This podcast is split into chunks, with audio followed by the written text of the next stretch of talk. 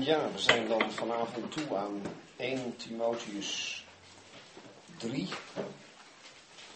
En wel vanaf vers 8. En we lezen tot en met hoofdstuk 4, vers 4. 5, pardon. Dus 1 Timotheus 3, vers 8 tot en met 4, vers 5. Dienaars moeten eveneens eerbaar zijn, niet tweetongig, niet aan wijn verslaafd, niet op schandelijke winst uit, en de verborgenheid van het geloof vasthoudend in een rein geweten. En laten deze ook eerst beproefd worden, en als zij onstraffelijk zijn, daarna dienen. Hun vrouwen moeten eveneens eerbaar zijn, niet kwaadsprekend, en nuchter, in alles trouw. Laat de dienaars mannen van één vrouw zijn en hun kinderen en hun eigen huizen goed besturen. Want zij die goed gediend hebben, verwerven zich een goede positie en veel vrijmoedigheid in het geloof dat in Christus Jezus is. Deze dingen schrijf ik je in de hoop spoedig tot je te komen. Maar als ik uitblijf, schrijf ik opdat je weet hoe men zich moet gedragen in het huis van God. Dat is de gemeente van de levende God, de pilaar en de grondslag van de waarheid. En ongetwijfeld groot is de verborgenheid van de godsvrucht. Hij die geopenbaard is in het vlees, gerechtvaardigd in de geest, gezien door de engelen en gepredikt onder de volken, geloofd in de wereld en opgenomen in heerlijkheid.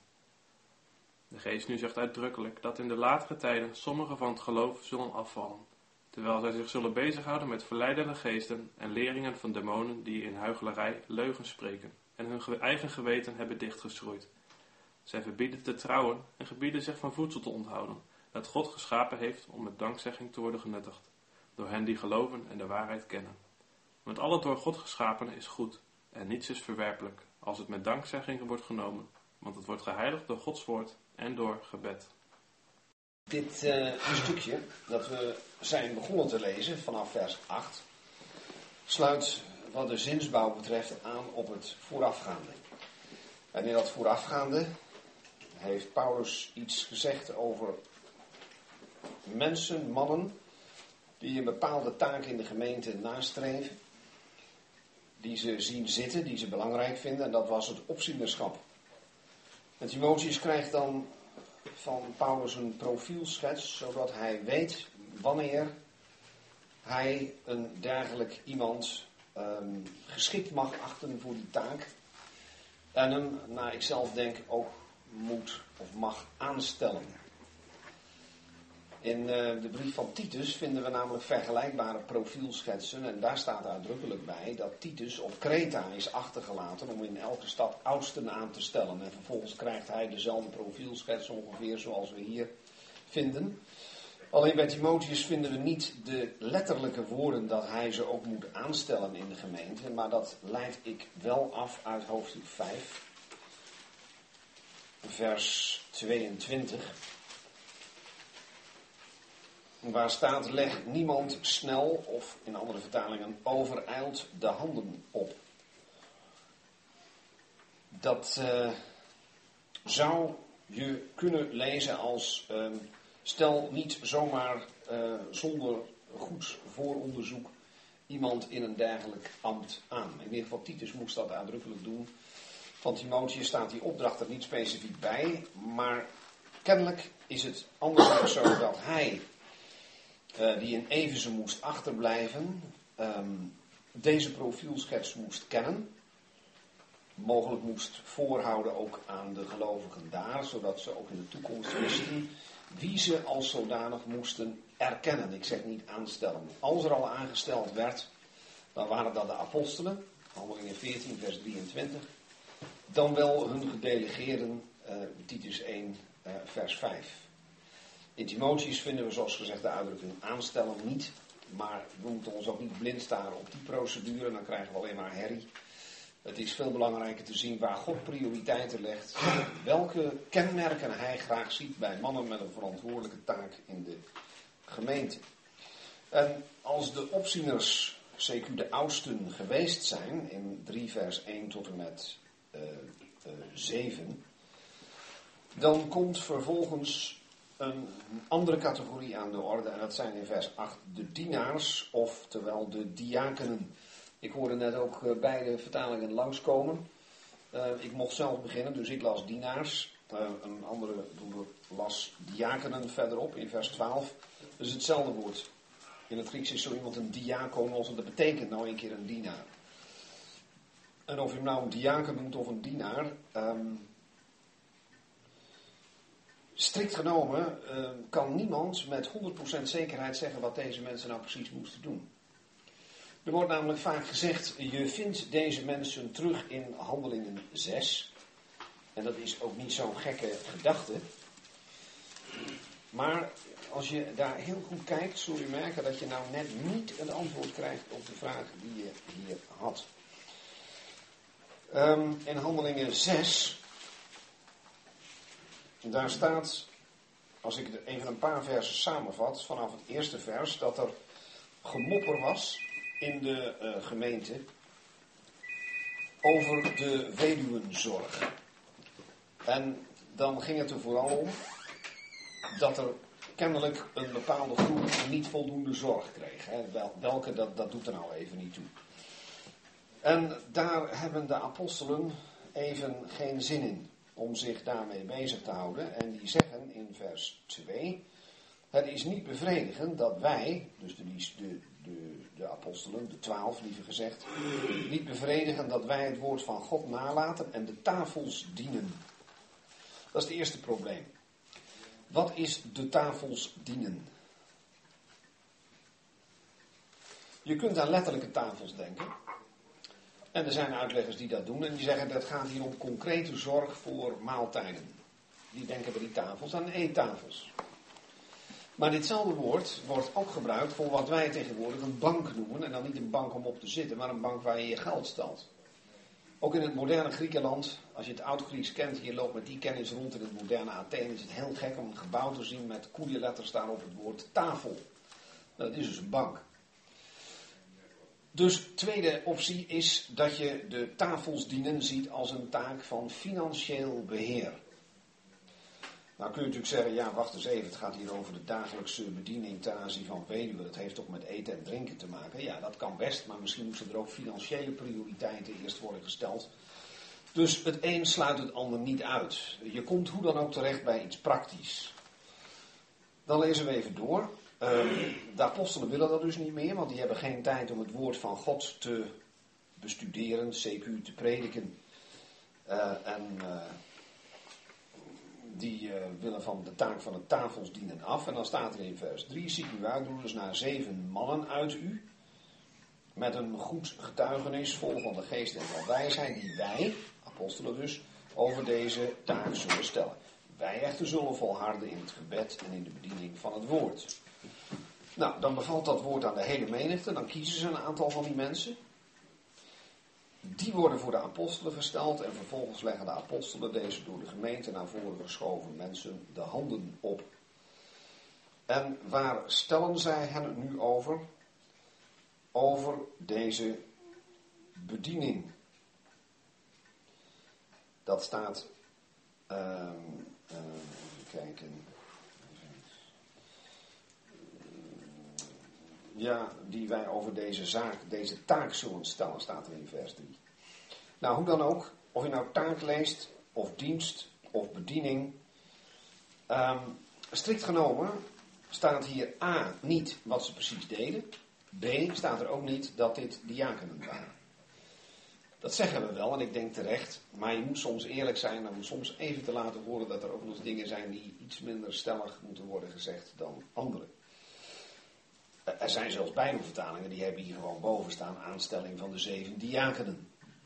En uh, ik, ik, zeg niet dat die mensen het dwaalleer brengen. Ik, denk zelf dat ze gelijk hebben. Maar je moet soms in alle nuchterheid even zeggen, het woord zelf staat er niet. Goed, stel dat het toch de diakenen zijn. Dan geloven we wel dat ze een praktische taak hadden. En of het nou letterlijke voorzieningen voor uh, minder bedeelden zijn dan wel uh, de directe financiële kant ervan. Uh, iedereen begrijpt dat in een gemeente dergelijke mensen nodig zijn die dat doen. De allereerste keer zie je wel een interessant beginsel. Namelijk dat niet alleen maar de apostelen in actie komen, zoals bij de oudsten die zij aanstelden, maar dat de gemeente, even modern gezegd, een voorzet geeft. Dat zijn immers ook degenen die de middelen ter beschikking stellen. Dus niet zo gek dat zij ook enige inspraak hebben, want zo zou ik dat willen noemen. Uh, inspraak hebben in uh, wie dat gaan beheren. Het zijn de apostelen die ze aanstellen.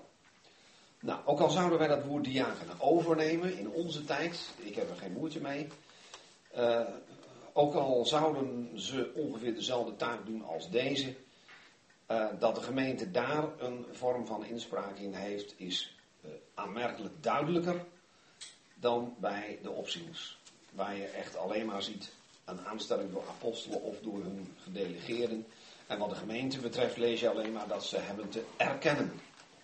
Ook in brieven waar niets over aanstelling wordt gezegd, wordt ten aanzien van oudsten gezegd of voorgangers dat ze moeten worden erkend. Nou goed, uiteindelijk moeten er dus wel diakenen uh, zijn. En uh, kennelijk had Timotheus de taak ook deze mensen uh, aan te stellen. Parallel met de opzieners. En als ik nu weer terug ben in 1 Timotheus 3 vers 8, dan zie je dat de diakenen eveneens eerbaar moeten zijn. Eveneens, namelijk net als de opzieners. Waar staat dan dat de opzieners uh, eerbaar moeten zijn? Want dat zou je dan verwachten. Nou, dat staat er namelijk in vers 4. Uh, hij moet zijn eigen huis goed besturen en zijn kinderen in onderdanigheid houden met alle eerbaarheid. En dat is zelfs een heel belangrijk kenmerk, want als iemand dat in zijn eigen huis niet kan opbrengen, hè, als je iemand hebt die er maar op los timmert als het om de opvoeding van zijn kinderen gaat, uh, die dwingt niet veel gezag af, die bestuurt zijn huis niet goed, niet met eerbaarheid, die kan ook geen zorg dragen voor de gemeente van God. Nou, datzelfde kenmerk moet ook de dienaars uh, sieren. Ze moeten eerbaar zijn. Dan staan er nog een aantal eigenschappen. Niet tweetongig, dat betekent dus dat ze niet met twee monden spreken. Niet aan veel wijn verslaafd. Er staat niet dat ze geen druppel mogen drinken, maar dat ze er niet aan verslaafd mogen zijn.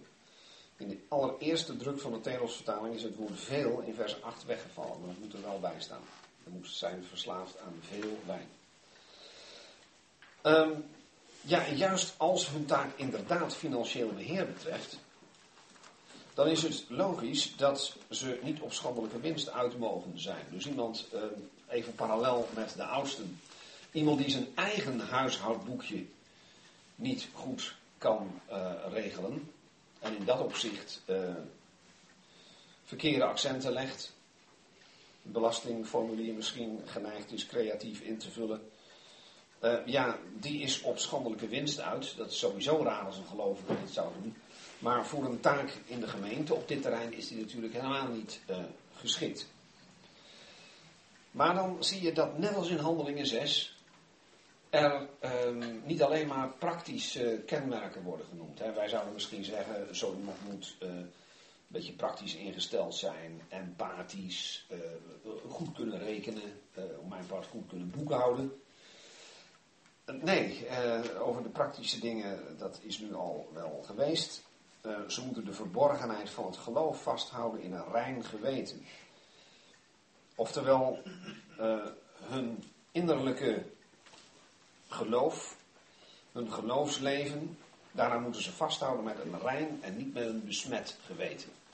Ze moeten dus niet proberen uh, in het gewone dagelijkse leven uh, de reparatie aan de auto zonder BTW te laten verrichten. Want dan kunnen ze ook dit werk niet doen met een rein uh, geweten. Gewoon even de rekening vragen en zeggen dat je gewoon BTW wilt betalen. Mensen kijken je vreemd aan, maar dat geeft niet. Dat is weer een mooie gelegenheid. Nou, zo iemand die dat doet, uh, zou binnen de profielschets vallen. En interessant, vers 10. Um, een proeftijd. Laten deze ook eerst beproefd worden. Je kunt ook vertalen gekeurd. Met andere woorden, je zou best als zo iemand in de gemeente een taak krijgt. Um, en men is het erover eens dat uh, broeder X daar geschikt voor is dat je dat eerst eens afspreekt voor een beperkte tijd. Staat niet hoe lang. Ik ga het ook niet fantaseren. Dat is helemaal niet gek. En dan kijken hoe het gaat. heeft hij daarna het vertrouwen nog van iedereen, dan gaat het gewoon door. Althans, dat is wat Timotheus te horen krijgt. En waarom zouden wij zo'n advies uh, negeren? Wij hebben wel eens in Brunsum gezegd, achteraf gezien was het best goed geweest als we dat gedaan hadden. Niet omdat het fout ging met de boekhouding, maar omdat die broeder op een ander punt, uh, nou ik wil niet zeggen uit de bocht vloog, maar niet helemaal uh, aan onze verwachtingen beantwoordde. En hadden we dat eerder geweten, dan hadden we misschien gedacht, misschien is deze broeder toch nog een beetje te kort hier, nog een beetje te jong, nog niet helemaal ervaren in de geestelijke dingen. Het aardige is dat er namelijk niet bij staat waar je op moet letten. Maar er staat wel bij dat ze pas moeten gaan dienen als ze onstraffelijk zijn. Dat betekent dat er niks op aan te merken is. Nou, dat is op zich toch een gezond uh, beginsel. En um, ook niet zo moeilijk om dat naar onze tijd toe te vertalen. Dan komt vers 11. De broeder die dat voorlas, die las: Vrouwen moeten eveneens eerbaar zijn. En waarschijnlijk deed die broeder dat omdat hij het woord hun tussen haakjes zag staan. Of uit overtuiging. Beide is mogelijk. Um, ik wist dat het, ik heb ooit eens gehoord dat het er niet staat. Nee, nou, het punt is alleen, uh, als je leest vrouwen, uh, dat staat er namelijk, en je denkt, dit is een, even een, uh, een advies tussendoor voor alleen maar vrouwen, dan staat het er wel heel erg raar tussen. Want in het volgende vers, vers 12, gaat het weer over de dienaars die mannen moeten zijn van één vrouw. Nou, daaruit leidt men af dat die vrouwen in vers 11 de vrouwen van de diakenen zijn. En, en dat is toch een naam die ik hier met ere mag noemen, Darby gaat er zelfs van uit dat hij zegt, het zal me niks verbazen als Paulus hier ook de vrouwen van de opzieners mee bedoelt. Dat lijkt mij gezien de plek waar het staat niet het eerste waar ik aan zou denken, maar ik uh, wil toch niet achter de kiezer houden wat deze gerespecteerde broeder daarover geschreven heeft. Maar in ieder geval um, past ook hij, en hij is zeker niet de enige uitlegger uh, die dat doet, het toe op de diakenen. Er zijn natuurlijk ook anderen, en ik zeg het maar vast voordat iemand van jullie het doet, die zeggen: nee, hé, wacht eens even, vriend, dat zie jij verkeerd. Deze vrouwen, dat zijn vrouwelijke diakenen. Zie je niet staan? Nee, ik ook niet. Maar ik, ik, moet wel eerlijk zijn en zeggen dat er uitleggers zijn uh, die dat zeggen. Um, als dat zo is, vind ik dat ze er in de beschrijving wel heel erg bekaaid afkomen. Want waarom zouden alleen vrouwen eerbaar moeten zijn? Uh, de dienaars moeten dat ook zijn. Uh, dan ineens vrouwelijke diakenen moeten eerbaar zijn, niet kwaadspreken, nuchter in alles trouw. En de andere voorschriften, die zijn dan al geweest voordat zij in de beschrijving genoemd worden. Dat lijkt mij niet zo waarschijnlijk. Dus zelf heb ik geen enkel probleem met de gedachte dat juist als het gaat om mannen die taken moeten doen waarbij ze dichtkomen bij het privéleven van mensen, misschien zelfs gezinnen, dat die ook een vrouw hebben uh, die er misschien tegen kan als er wat informatie op dit terrein met haar wordt gedeeld en die misschien zelf daarin kan adviseren. Um, gelet op het verband zou ik dat een hele gepaste plek vinden om dit zo uh, te krijgen. Ten meer daar Paulus mijns inziens vanaf vers 12 de mogelijkheid juist blokkeert. Dat de diakenen die Timotheus moet aanstellen, laat ik dat er gelijk bij zeggen, dat dat vrouwen zijn. Want hij zegt in vers 12, laten dienaars mannen van één vrouw zijn. En hun kinderen en hun eigen huizen goed besturen. Nou, we hebben het volgens mij bij de opzieners er ook al over gehad. In vers 2 staat, de opziener dan moet onberispelijk zijn man van één vrouw. En toen hebben we het er ook al over gehad, ja, hoe moet je dat nou lezen? Um,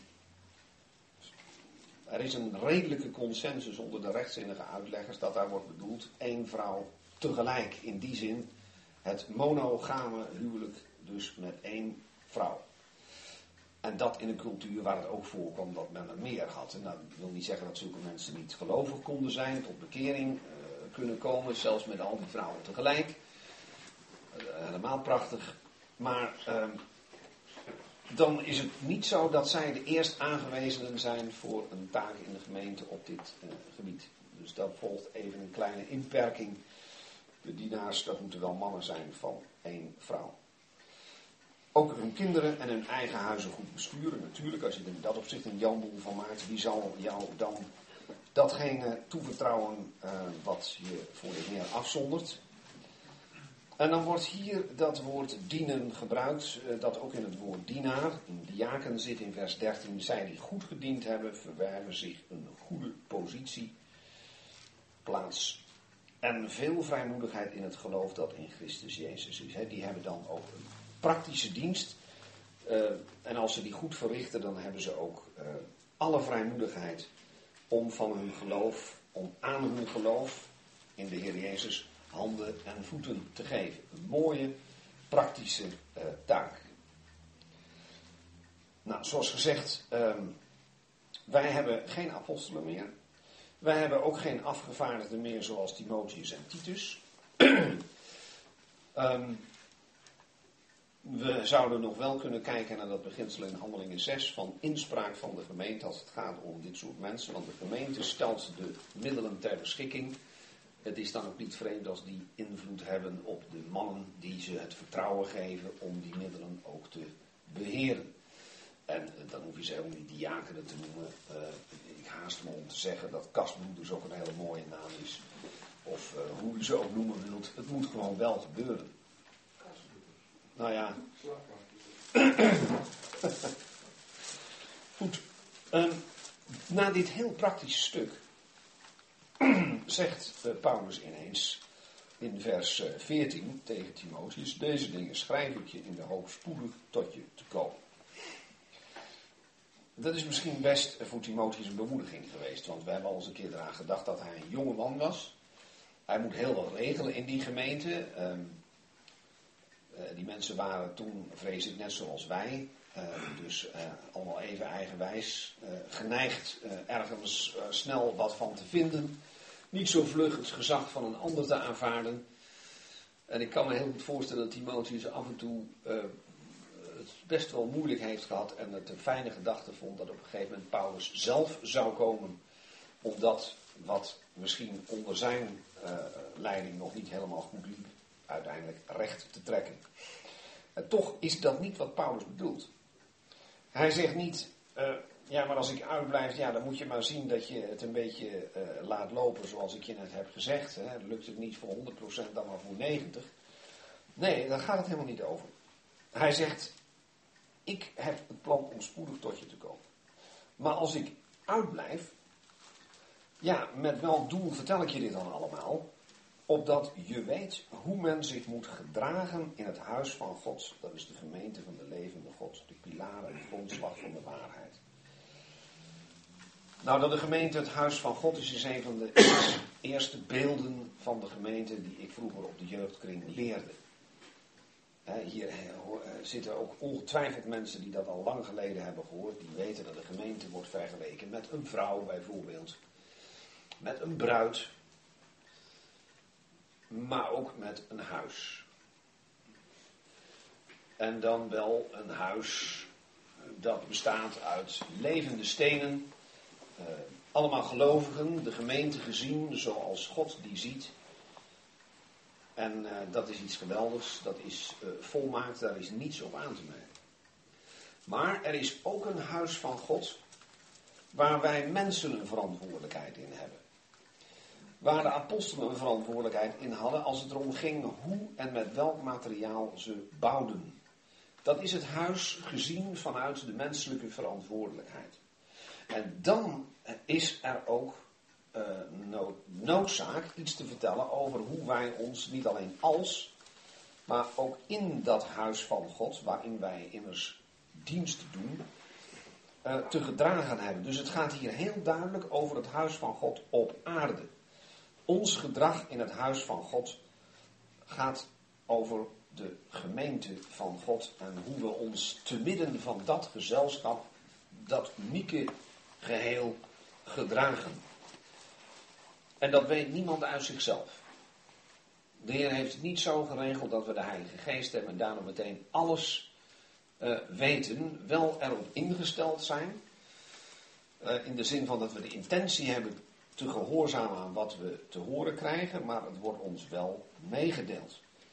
En juist in deze brief vinden we een heleboel praktische richtlijnen. En Timotheus heeft dus als taak de gelovigen voor te houden hoe men zich moet gedragen in het huis van God in die tijd dat die gemeente, die even een regeltje verderop wordt genoemd, uh, zich nog op aarde bevindt. in de hemel, in de eeuwigheid hebben we dit soort richtlijnen niet meer nodig. Dat zal uh, vanzelfsprekend zijn. Dat huis van God wordt hier genoemd in regel daarop in vers 15b. De gemeente van de levende God. De levende God, dat is het grote onderscheid tussen de afgoden en God. De afgoden zijn dood. Dan wel, er gaan demonen achter schuil, zoals we in hoofdstuk 4 zullen zien. En ze hebben geen scheppingsmacht. Het grote onderscheid tussen God en de afgoden is dat God degene is die de hemel en de aarde gemaakt heeft. Die aan allen, zoals Paulus in Handelingen 17 zegt, leven en adem en alles geeft. Want dat kan hij doen omdat hij de levende God is. Een dode God kan dat niet. En wij mogen de gemeente zijn van de levende God. En als wij ons dus uh, uh, hier laten informeren via Timotheus over de gedragsregels in het huis van God, dan kunnen dat nooit dorre regels zijn. Uh, een soort wetboek um, dat je noodgedwongen gehoorzaamt. Maar dan kan het niet niets anders zijn dan datgene wat ons ook in verband brengt met die levende God. Dan zijn het regels voor een levend, om niet te zeggen voor een bruisend gezelschap, dat niet duf rondloopt, voortschokt door de woestijn zoals de tabernakel daar doorheen moest worden gedragen. Maar dan zijn we op de plek waar we zijn moeten. Het is al een huis dat staat. En dat eigendom is van de levende God. Die ook dus als levende God belangstelling heeft voor degenen die in zijn huis functioneren. En dat is een, een groot voorrecht. De, de heidense goden hadden ook hun huizen, hun tempels. En daar gebeurde van alles wat voorgeschreven stond. Dood, ritueel, regels werden nageleefd, uh, er werd niet bijgezegd waarom het moest. Bepaalde mensen wisten wat ze moesten doen, op welke momenten ze dat moesten doen. En als ze dat niet deden, dan volgde er straf. Er was geen leven. Er was eerder zonde en er was uh, duisternis. Bij de tempel van de levende God, daar voelt God zich thuis. Dan hebben de mensen ook zijn leven gekregen. En die gemeente wordt dan ook genoemd de pilaar en de grondslag van de waarheid. Dat betekent dat de waarheid daar bij hen te vinden is. En dat klinkt misschien hoogmoedig, maar je zou het zo kunnen zeggen: in de tijd voor het kruis was het Joodse volk het volk waarvan Paulus in Romeinen 3 zegt: aan hen zijn de woorden van God toevertrouwd.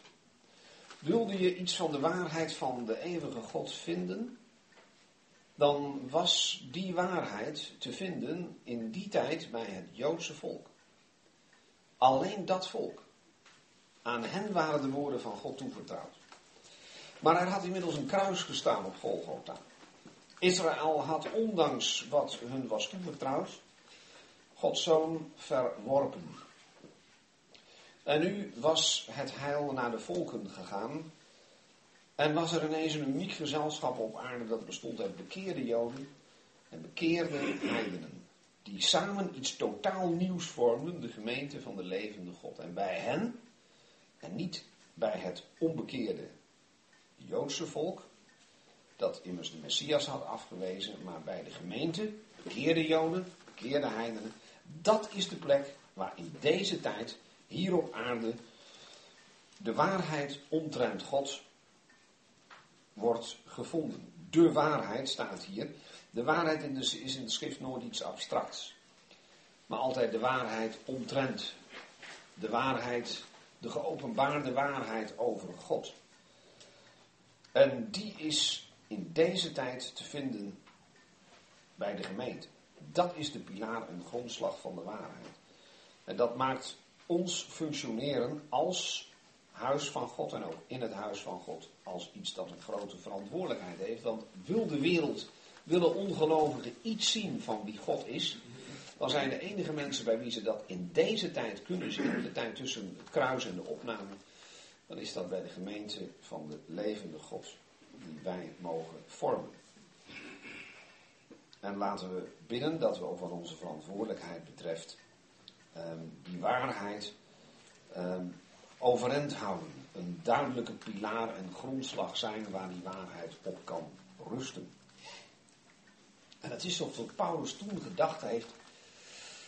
Nou wil ik eens Timotheus laten horen bij wie al dit onderwijs, zeker dat laatste, nou op zijn mooist wordt geïllustreerd.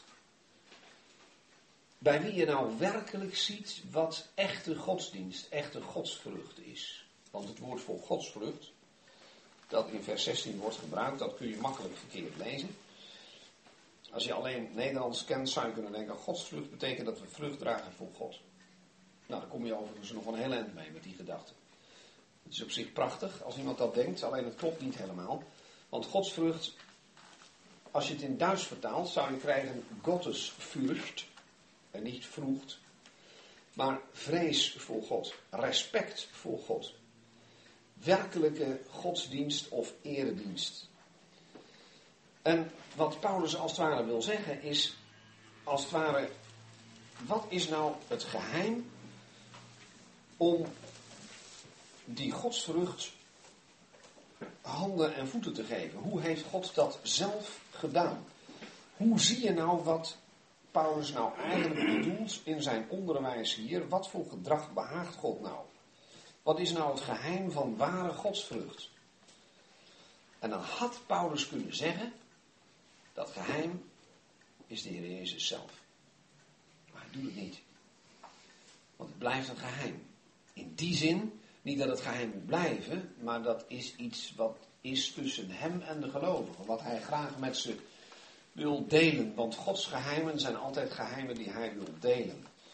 En het geheim van werkelijk godvruchtig leven, een leven gericht op het eren van God, dat hij heeft handen en voeten gekregen, dat is geopenbaard in het vlees. Nou hebben jullie als het goed is, uh, als je een Telos-vertaling hebt, gezien dat er in vers 16b staat, hij die geopenbaard is in het vlees. En de broeder die het voorlas in vers 16b, die las, God is geopenbaard. Je zult het niet geloven, maar het verschil tussen beide vertalingen is één klein horizontaal streepje. Midden in een ootje. Staat dat streepje er niet, dan betekent dat hij die geopenbaard is. Nadeel van die lezing is dat het lijkt alsof de zin niet af is. Want dan begint het met, kijk maar, in de vertaling is de zin, is het eigenlijk geen volledige zin. Taalkundig gezien heb je alleen maar een antecedent en een betrekkelijke bijzin. Maar geen gezegde bij het antecedent. Het begint met hij die geopenbaard is in het vlees. En dan worden er nog een paar dingen gezegd. En dan zou je kunnen denken, nou en, wat, wat doet die persoon dan? En dat komt niet. De andere optie, die onze broeder voorlas, God is geopenbaard in het vlees, heeft als taalkundig voordeel dat het één volledige zin is. Eén hoofdzin.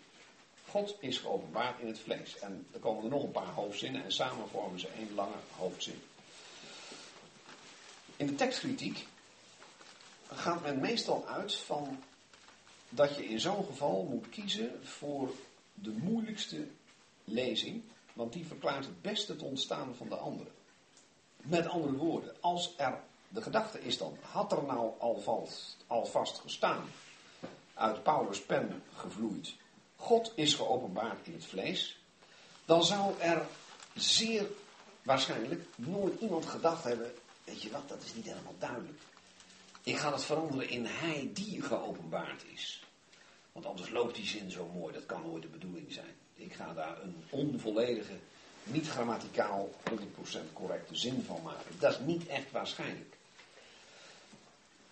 Iemand die dat niet gelooft, uh, geeft niks, want ik kan het ook niet helemaal bewijzen. Alleen ik laat toch horen hoe het aannemelijk wordt gemaakt. Dus men laat dan toch de niet grammaticaal correcte zin staan. En uh, het fijne is dat in beide gevallen het toch om dezelfde persoon gaat. Dus we kunnen hier gelijk over stoppen. Want staat er God die geopenbaard is in het vlees, dan is het duidelijk dat het over de Heer Jezus gaat. Gaat het over Hij die geopenbaard is in het vlees, dan is het ook duidelijk dat het over de Heer Jezus gaat. Alleen ben je bezig met een uitgave van het Griekse Nieuw Testament, dan moet je wel weten wat je af moet drukken. En in alleroudste handschriften stonden uh, alle letters, um, hoe zeg je dat, zonder spaties tegen elkaar aan. De spatie was nog niet uitgevonden, klinkt wat vreemd, maar er is een uh, lange tijd heeft men uh, zonder spaties uh, geschreven. En men schreef ook nog eens een keer in allemaal hoofdletters. En in veel handschriften, omdat schrijfmateriaal kostbaar was, kortte men de namen van goddelijke personen af. Dus God is in het Grieks theos. Dan schreef men alleen de T, eigenlijk een TH, een T en de S. Als je dat leest, staat er dus een rondje met een streepje erin en een S. Haal je dat kleine streepje uit dat rondje, dan staat er ineens het woord hos. Er staat os, maar de H staat er dan als een klein tekentje boven. En dan is het ineens hij, die. Dus wie vanuit die oorspronkelijke tekst die Paulus geschreven heeft, moest overschrijven. En later weer overschrijven en van die kopie weer kopieën van kopieën van kopieën gingen maken die kon ineens het ongeluk hebben dat iemand te slordig over die hoofdletters heen had gelezen en bijvoorbeeld niet in de gaten had dat een kleine combinatie een afkorting was. En hij las het als een volledig woordje en dan krijg je hij die. En een ander die zag dat wel en die schreef God. Vandaar dat je in de handschrift in beide lezingen tegenkomt. Ik vertel het gewoon voor de aardigheid, dat u niet denkt van hoe kan dat nou zo'n verschil. Um, het fijne is dat het voor de uitleg niets uitmaakt. Want het gaat toch over de Heer Jezus. Hij is het geheim van de godsvrucht. En wat zegt Paulus dan over hem? Of er nou staat hij die, of dat er staat God is geopenbaard in het vlees. Nou, in ieder geval, dat wil Timotheus leren en ook kunnen doorgeven wat werkelijk het dienen van de levende God en het juiste gedrag in het huis van God inhoudt. Dat het beste voorbeeld en de juiste motivatie van die godsvrucht te vinden is in hem die geopenbaard in het vlees is. En dat is de Heer Jezus zelf. Die ook gerechtvaardigd is in de geest. Rechtvaardigen, dat kan twee dingen betekenen. Als wij over onszelf lezen in Romeinen 5, vers 1, wij dan gerechtvaardigd op grond van geloof, dan betekent dat wij waren eerst niet rechtvaardig en later wel. Eerst geloofden we niet, toen wij nog zondaars waren, maar toen de Heer Jezus gestorven was en wij tot geloof gekomen zijn, dan kan je zeggen, wij zijn door dat geloof tot rechtvaardigen gemaakt. Wij zijn gerechtvaardigd. Maar rechtvaardig kan ook betekenen bewijzen rechtvaardig te zijn. En als er voor God staat dat hij gerechtvaardigd is, dan betekent dat dat aangetoond is dat hij een rechtvaardige is. En dat is wat hier bedoeld wordt. De Heer Jezus, die is geopenbaard in het vlees. En door de kracht van de Heilige Geest is vastkomen te staan, is bewezen dat hij de rechtvaardige was.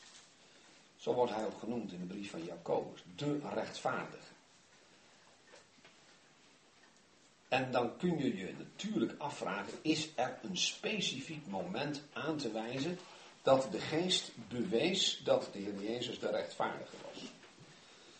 Sommige mensen zeggen dat is al bij zijn verwekking en geboorte. Dat vind ik zelf wat vroeg. Want dan komt er volgens mij nog niet zoveel vast te staan. Tenzij je zegt, de beschrijving maakt duidelijk dat dat heilige wat uit Maria geboren zal worden, de zoon van God genoemd zal worden. Dus je zou kunnen zeggen, dat is een manier waarop de geest bewijst dat hij niet een onheilige, maar een heilige, een rechtvaardige is. Anderen zeggen dat is vooral te zien bij zijn opstanding, want hij is verklaard als Gods zoon in kracht, begin van de Romeinenbrief, um, toen hij opstond. dan zou zijn opwekking uit de doden, hè, van tussen de doden uit, in de kracht van de geest het bewijs zijn dat God hem als de volmaakt rechtvaardige zag. Dat kan. Je zou kunnen zeggen waarom niet allebei en alles wat ertussenin staat. Want de Heer Jezus heeft alles gedaan in de kracht van de Heilige Geest. Bij de verzoeking in de woestijn, Matthäus 4, lees je dat hij door de Heilige Geest omhoog geleid werd door de, de woestijn in. Het begin van zijn openbare dienst. En aan het eind van zijn openbare dienst lezen we in Hebreeën 9 dat de Heer Jezus zichzelf door de eeuwige geest onberispelijk aan God heeft opgeofferd.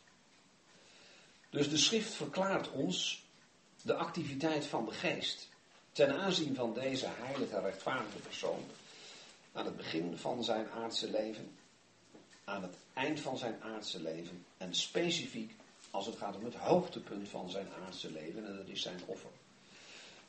Dus dat laat zien wat werkelijke godsvrucht is. De Heer Jezus die alles van tevoren wist en zich niet alleen schikte in het doen van de wil van God, maar dat zelfs als zijn eerste levensbehoefte zag. De geest heeft laten zien dat hij werkelijk rechtvaardig was. Nu viel me op dat ehm, de broeder die dit las, niet las gezien door de engelen, maar verschenen aan de engelen. Maakt op zich niet veel uit. Het gaat er in ieder geval om dat de engelen hem gezien hebben. En dezezelfde brief maakt in hoofdstuk 6 duidelijk dat, uh, vers 16, dat dat iets bijzonders is. Want wat staat er in 1 Timotheus 6, vers 16? Daar gaat het over, uh, over God.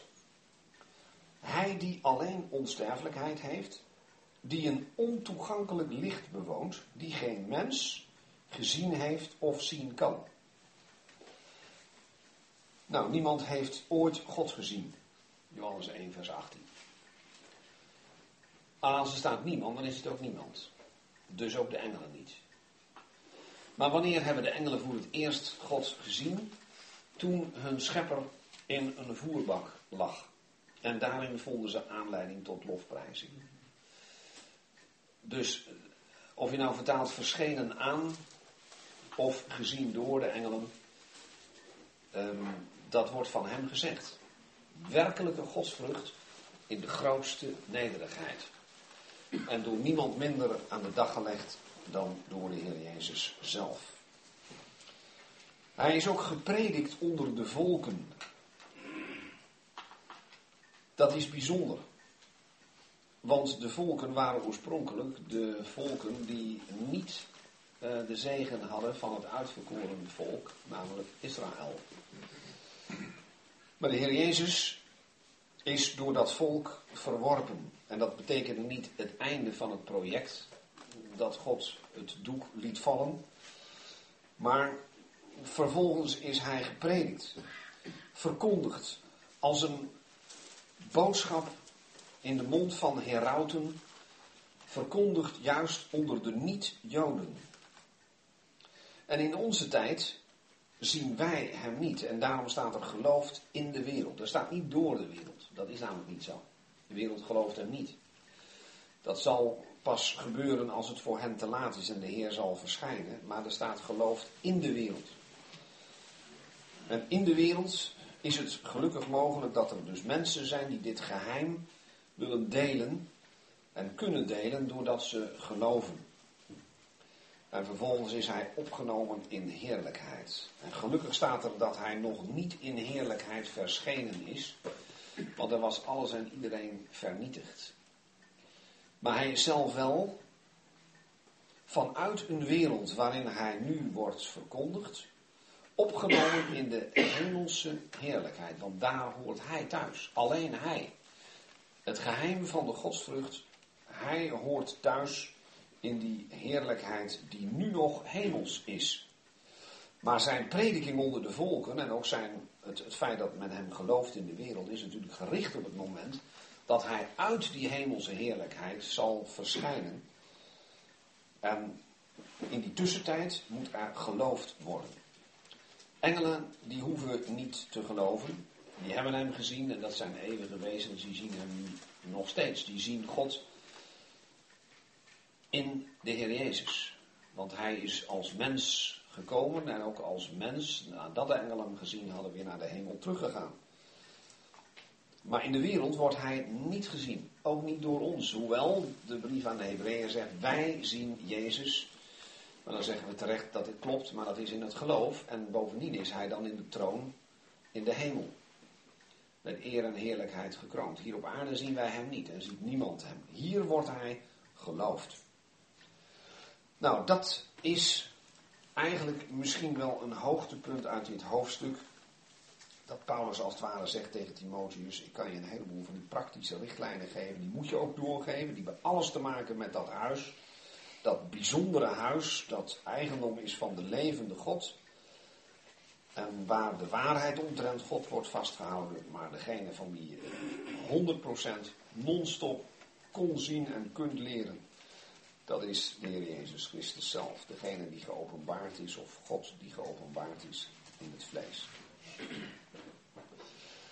Nou, ik denk terecht dat de indelers van versen en hoofdstukken hier zijn uh, overgegaan tot het openen van een nieuw hoofdstuk. Want je zou zeggen, als je de brief achter elkaar leest, dat je hier dan toch wel even moet uh, stoppen om dat duizelingwekkende vers 16 op je in te laten werken. Maar aan de andere kant, um, Paulus was nog niet klaar. Dat doet Paulus trouwens vaker. Zijn brief onderbreken met een speciaal appel op het geweten van de lezer. Of zelfs met een lofprijzing die hij uitspreekt en ook voor ons heeft opgeschreven. Er zijn overigens mensen die beweren dat vers 16, eh, met die steeds eh, korte zinnetjes, de hij die of God is geopenbaard in het vlees. Volgende regel gerechtvaardigd door de geest. Volgende regel voorzien door de engelen. Volgende regel enzovoort. Iedere keer die zinnetjes. Dat dat een oud christelijk loflied zou zijn. Er zal denk ik van niet. Alleen al vanwege het, het ritme in, in het Grieks. En dat wat wij als vroegste lofliederen kennen, daar zit een bepaald ritme in. Dat is sowieso niet te bewijzen. Er wordt van meer plekken gezegd in het Nieuw Testament dat dat mogelijk oude lofliederen zijn. Ook van Filippi 2 bijvoorbeeld, dat bekende stukje vanaf vers 5. Zegt men ook, mogelijk een oud-christelijke hymne. Mooie gedachte, maar je hebt er niets aan. Er staat niets in de omgeving dat echt ons uh, de gedachte geeft dat dit een tekst is die de vroege kerk, de vroege gemeenteleden zouden hebben gezongen.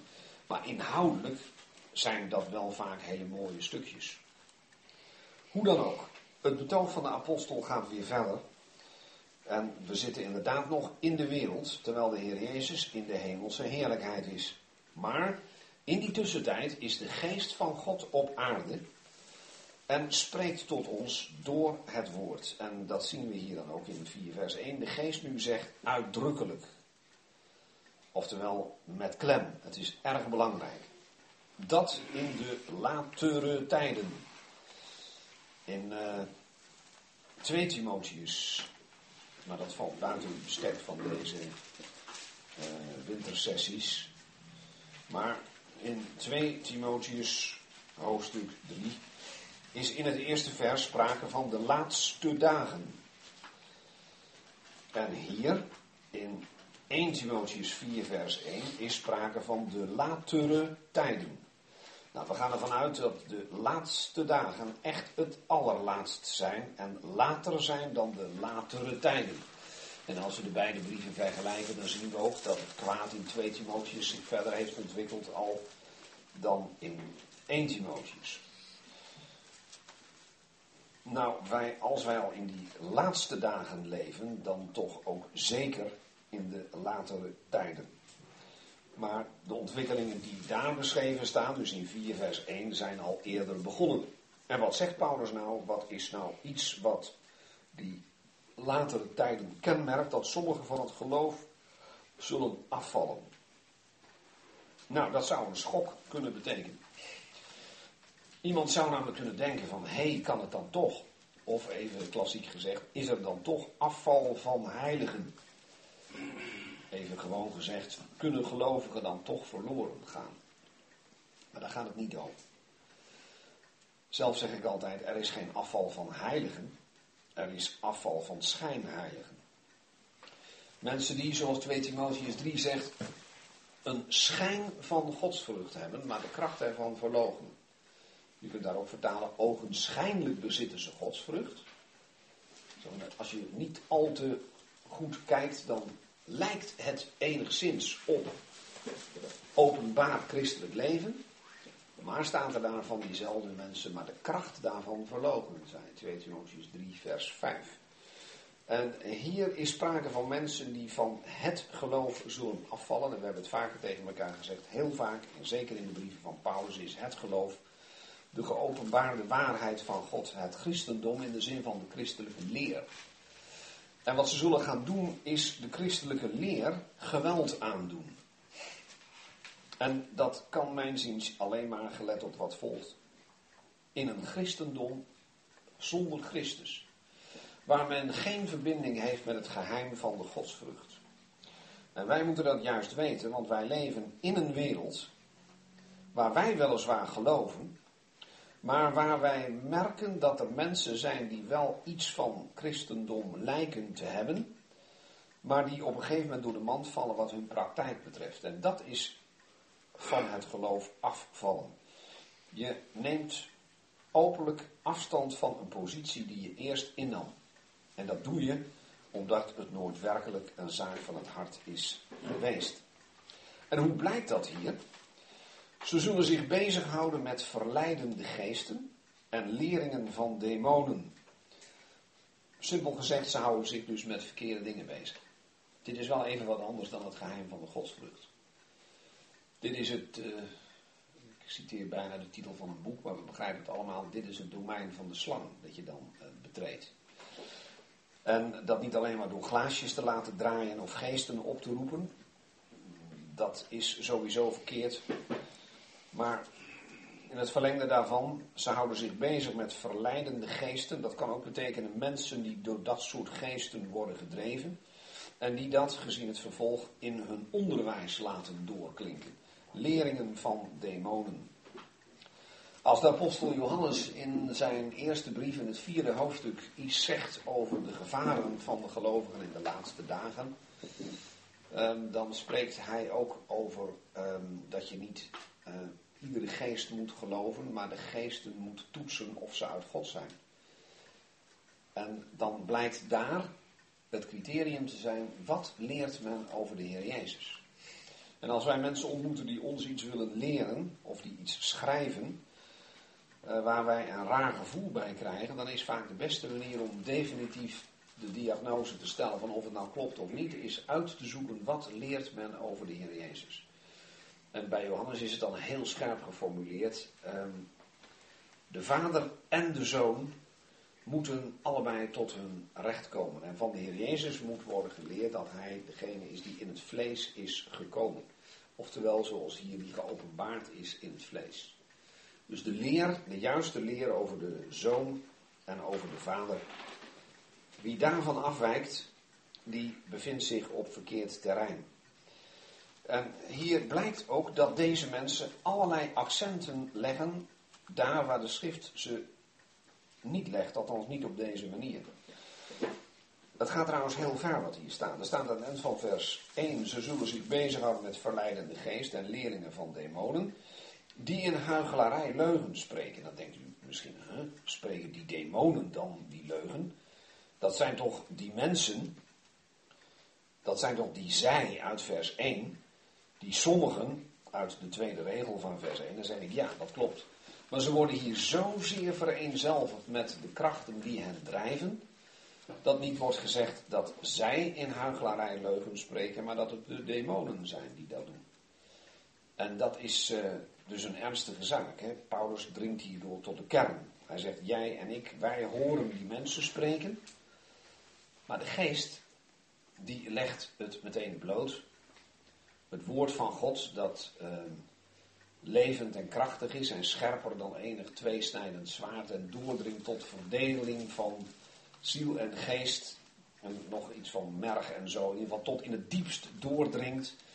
Ja, dat zie je hier en daarom zegt de apostel hier, dat zijn feitelijk die demonen die hier huichelachtig liegen. En hun eigen geweten hebben dichtgeschroeid. Dat werkt dus ook niet meer. En wat leggen ze dan voor rare accenten? Ze verbieden te trouwen. Hé, hey, denkt u, dat ken ik. Het celibaat. Ja, dat klopt. Dat is dus een verkeerde leer. Overigens is echt niet alleen het katholicisme een godsdienst waar het celibaat wordt uh, verkondigd. Er zijn ook Oosterse godsdiensten die aan bepaalde groepen mensen het uh, huwelijk uh, verbieden. En waar juist daardoor de meest bizarre en liederlijke onzedelijkheid voorkomt. Maar dat is dus één kenmerk. ze hebben een verkeerd zicht op de schepping. En Gods scheppingsorde. Dus dat zie je bijvoorbeeld aan het eerste. Ze verbieden te trouwen, dus het huwelijk. En ze gebieden zich van voedsel te onthouden. Dus ook de, de schepping uh, en alles wat er groeit, uh, daar hebben ze allerlei regels voor, wat, wat wel en niet mag.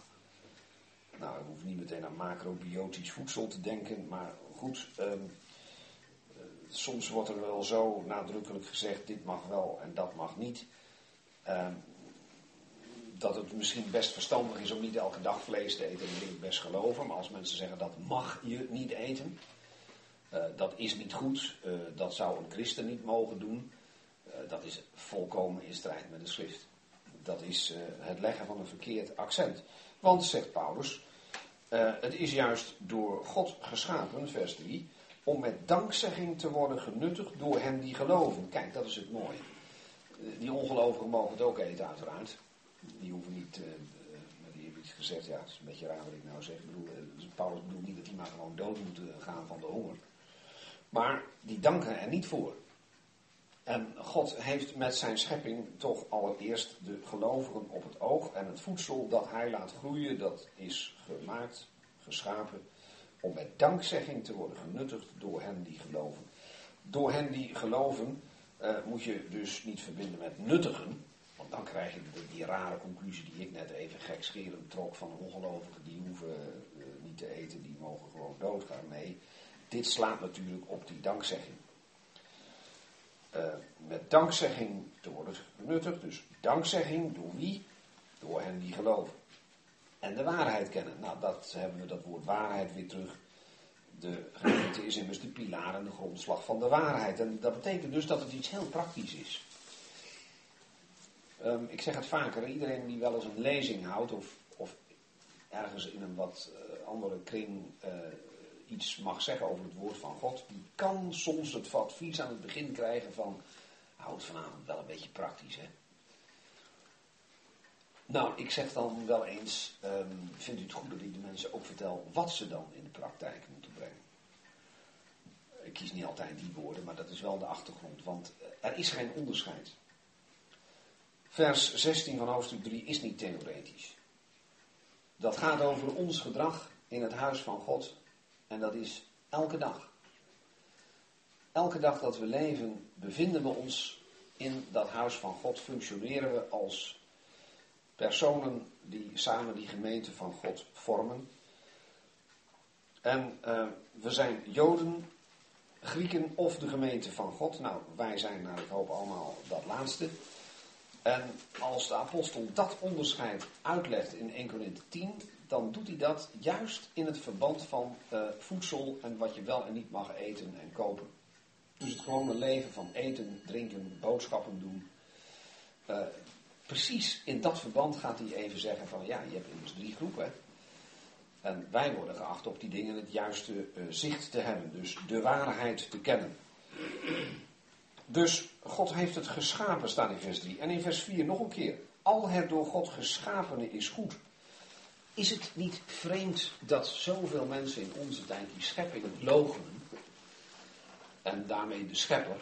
En dus ook niet goed weten hoe ze met de orde in de schepping moeten omgaan. Dus een verkeerd, verwrongen beeld hebben op het huwelijk.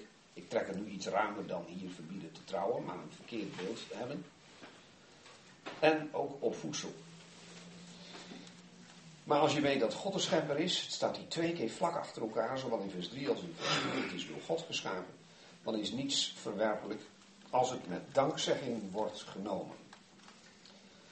Want het wordt geheiligd door Gods woord en door gebed.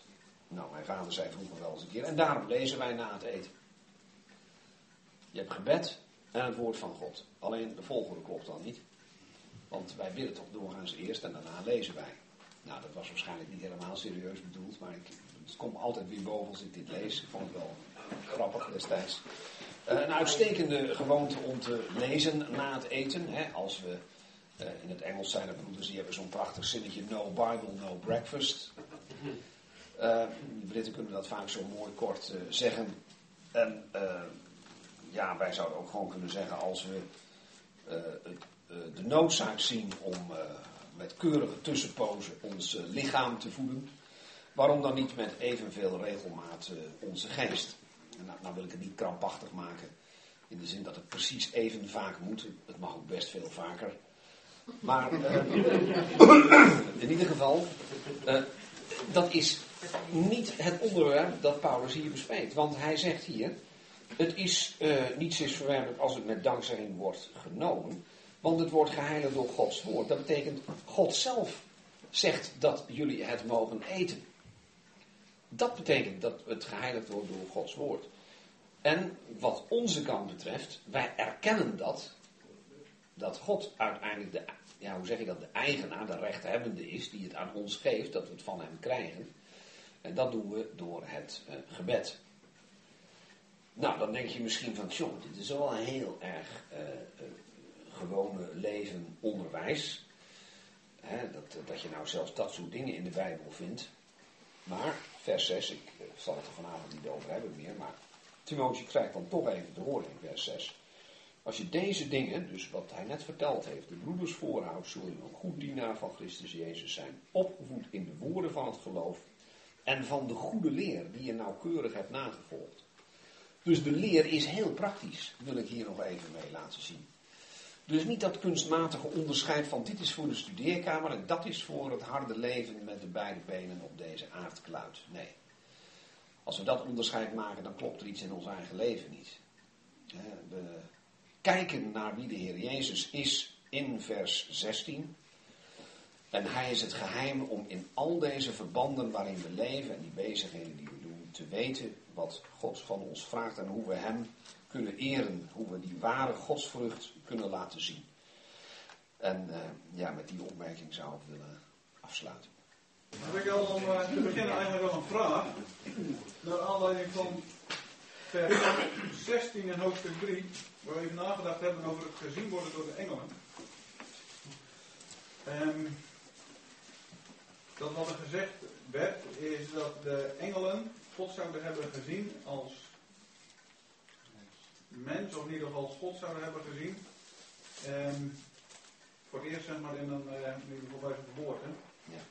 Hoe moeten we dat dan zien in, uh, en dat dus niemand God zou hebben gezien, in het licht van Job? Ja. Dat God de engelen bij zich roept. Ja, dat dacht ik wel dat iemand dat zou vragen. Die vraag is net hier ook al. Uh, dacht ik ook wel, dus ik wil het eerst weten. Job 38 bedoel je? Of gewoon het begin? Ja, het begin van het begin, ja. ja oké. Ja, nou laat ik het zo zeggen. Uh, als je um, alleen het boek Job zou hebben, en niet uh, de nieuwtestamentische teksten waar wij net naar keken, dan zou je inderdaad de indruk krijgen dat de engelen daar converseren met God. In ieder geval dat de duivel dat doet. En um, bij Mozes, die sprak tot God zoals een man tot zijn vriend spreekt, van aangezicht tot aangezicht. Maar dan zou het nog zo kunnen lezen, zoals een vriend zo intiem, hè, van uh, man tot man, van aangezicht tot aangezicht. Zo vertrouwelijk was de omgang van Mozes met God, maar zelfs van hem zie je dat hij op de rots of in de rotsvleet moet worden gesteld, door God moet worden beschermd en alleen zijn achterste delen mag zien. Uh, ik bedoel daar dit mee. Uh, als je zo'n beginstuk als het boek Job geïsoleerd bekijkt, dan um, zou je een indruk kunnen krijgen die door een ander gedeelte enigszins wordt gecorrigeerd. En de ouders van Simpson dachten al, toen er een engel uh, was gekomen die de geboorte van Simpson aankondigde, dat ze zouden sterven, want ze hadden God gezien. Dat dacht tenminste zijn pa, zijn aanstaande pa, zeg ik dan maar, hè, want hij moest nog uh, geboren worden. Terwijl de vrouw, eh, de moeder van eh, Simpson, de vrouw van Manoah, zegt van, hoor, als God ons had willen doden, dan eh, was het inmiddels wel gebeurd. Eh, er komt eh, eh, gelukkig kennelijk eh, wat anders. Maar de gedachte dat God zien eh, gelijk stond met sterven, die kom je een aantal keer in het Oude Testament eh, tegen. En die tekst die ik voorlas uit 1 Timotheus 6, ehm, ja, die zegt toch wel tamelijk stellig ehm, dat eh, God in een ontoegankelijk licht eh, woont. Johannes 1, vers 18, eh, dat niemand ooit God gezien heeft. En ik zou niet zo snel toch voor die engelen een uitzondering durven maken. Dus ehm, ook het zien van de engelen van God is kennelijk geen voorwaarde om met hem te kunnen spreken. Die conclusie heb ik uit die gegevens eh, getrokken. De, het, is kennelijk niet nodig voor de engelen geweest, dus ook niet voor Satan toen hij op die tocht rondzwierf, dat hij om met God te kunnen spreken, God ook moest kunnen zien. Hoe dat dan voorgesteld moet worden, dat zou ik ook niet weten. Want het zit er ook in het paradijs. Als eh, God in de hof wandelt, dan spreekt hij toch ook met haar. Ja, En, je ziet eh, in Jezaja 6, zie je ook de serafs eh, vliegen met de vleugels bedekt. Ja. En dat ze roepen heilig, heilig, heilig. Dus dat is, ja, ik, ik, ik, ik, ja, ik vind het mooi de gedachte dat ze inderdaad bij de geboorte van de Heer Jezus pas hebben gezien wie de zoon is. Wie God in de zoon is. Eh, hoe dan ook, wat, wat ze mogelijk van God gezien hebben voor die tijd, dat wordt toch niet gezien als ja, het zien van God. Er wordt ook in eh, Deuteronomium wel eens gezegd dat men iets zag dat leek op, of ook in Ezekiel vind je dat soort vage eh, aanduidingen. Ehm, op de een of andere manier ehm, zal ook ons ehm, dat altijd onthouden blijven. En dat zien we met 2 Korinthe 3. God in het aangezicht van de Heer Jezus Christus. Dat is misschien een mooie tekst om er even bij te nemen. In 2 Korinthe 3.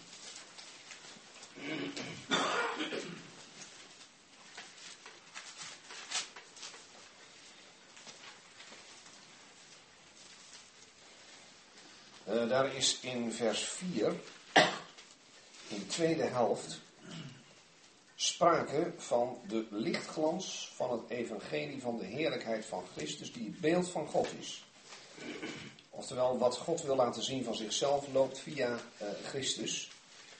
En dan staat er ehm, in vers 6, want de God die gezegd heeft, uit duisternis zal licht schijnen, die heeft geschenen in onze harten. Tot de lichtglans van de kennis van de heerlijkheid van God in het aangezicht van Jezus Christus. Nou, als de Heer Jezus zegt, wie mij heeft gezien, heeft de Vader gezien, dan denk ik dat we in het Nieuw Testament eigenlijk geopenbaard krijgen dat ehm, God alleen zichtbaar is in de persoon van, in het aangezicht van eh, de Heer Jezus Christus. En dat dat ehm, ja, de wijze is waarop God zich heeft uh, geopenbaard. En dat het eigenlijk heel bijzonder is dat die grote God, die een nietig mens niet zomaar kan zien zonder gevolgen, uh, gekomen is als een niet afschrikwekkend klein hulpeloos uh, babytje.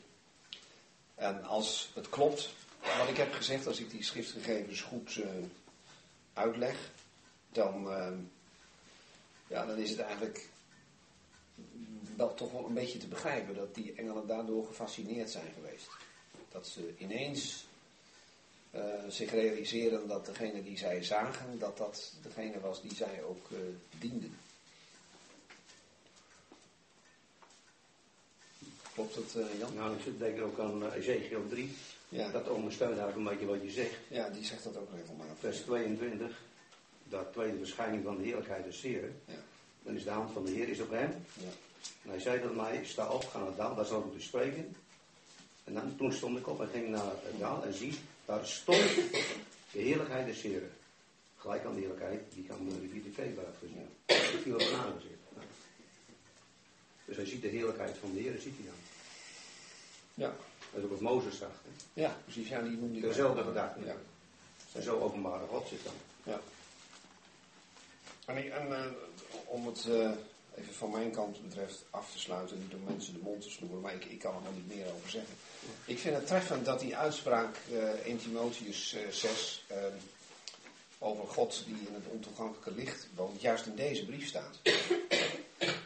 Juist nadat gezegd is eh, eh, hoe God zich heeft geopenbaard, als het gaat om de engelen, dat dan precies in deze brief staat dat in principe de woonplaats van God zodanig is dat dat een ontoegankelijk licht is en die geen mens gezien heeft of zien kan.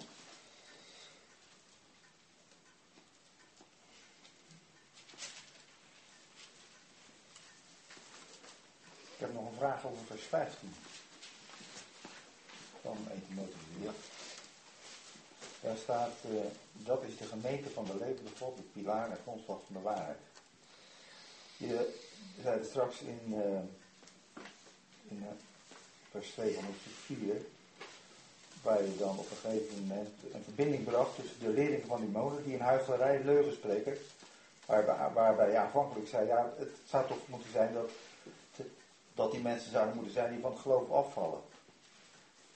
Maar je, bracht het in verband met de demonen die dan in huichelarij leugen spreken. En nu is mijn vraag eigenlijk van, in hoeverre zou je kunnen lezen dat de levende God de pilaar en grondslag van de waarheid is? Ja, dat kan iets gezien de naamval. Ehm je dit voor alle zekerheid eh, dat erbij halen. Maar dat als, eh, als er staat de gemeente van de levende God, dan is van de levende God een tweede naamval. En de pilaar en grondslag van de waarheid is niet een tweede naamval, maar staat in dezelfde vorm als het woord de gemeente. En daar zie je dat aan. En dus mag je dat niet op één lijn eh, stellen. Ik wil het voor de zekerheid even checken. Want dat is dus iets wat je eh, in de grondtekst wel kunt zien en in het Nederlands eh, niet helemaal. Ja, precies wat ik net zei. Als er staat dus de gemeente van de levende God. Van de levende God is een tweede naamval. En het stukje wat erachter komt, de pilaar en grondslag van de waarheid, staat weer in dezelfde naamval als het woord de gemeente. Dat is een eerste.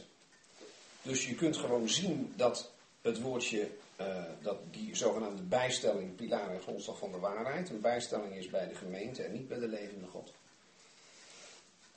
Dus eh, ook al laat het Nederlands die mogelijkheid open, het is lastig om het zo te vertalen dat je dat misverstand eh, wegwerkt. Dat zou je misschien eigenlijk in een soort voetnoot moeten doen. Want anders zou je dat bijna denken. Dus God is wel degene aan wie die gemeente toebehoort. Maar de pilaar en grondslag van de waarheid is opmerkelijk genoeg niet God, maar de gemeente. En dat is eigenlijk des te, eh, misschien toch ook een hele mooie eh, gedachte. Want wij zouden zelf zeggen, God dan kan toch veel beter dan wij zijn waarheid overeind houden. Ja, God, God is de waarheid. Ja, natuurlijk. Alleen het mooie is dat hij dat ook aan mensen toevertrouwt. Zoals destijds aan de Joden de woorden van God zijn toevertrouwd. En van hen zijn er, dan staat er zo'n hele opsomming, hè, de verbonden en alles, al die mooie eh, zegeningen uit het Oude Testament. Dat in deze tijd de gemeente eh, die functie mag eh, vervullen. Ik heb nog wel een vraag over eh, hoofdstuk 3, vers 16 ook. Waar u ook sprak over de geest die dus de Heer gerechtvaardigd heeft. Die al heeft laten blijken dat de Heer rechtvaardig is. En hij noemde zo'n beetje alle teksten op van over de geest. Behalve juist die ene, denk ik, die misschien, het, misschien het meeste van spreekt. En dat is de dood. Bij de doop, ja. Begin van, zijn- ik heb wel gezegd, het begin van zijn openbare dienst, toen noemde ik de verzoeking in de woestijn. Maar inderdaad, daar, is het, ehm, daar zie je het stukje wat jij noemt, de geest als een duivel op hem neerdalen. En dan zie je de vader dat getuigenis geven. Hè? Dus ehm, misschien dat ik het daarom niet gezegd heb. De geest is daar wel zichtbaar. En eh, wat mij betreft zelfs actief.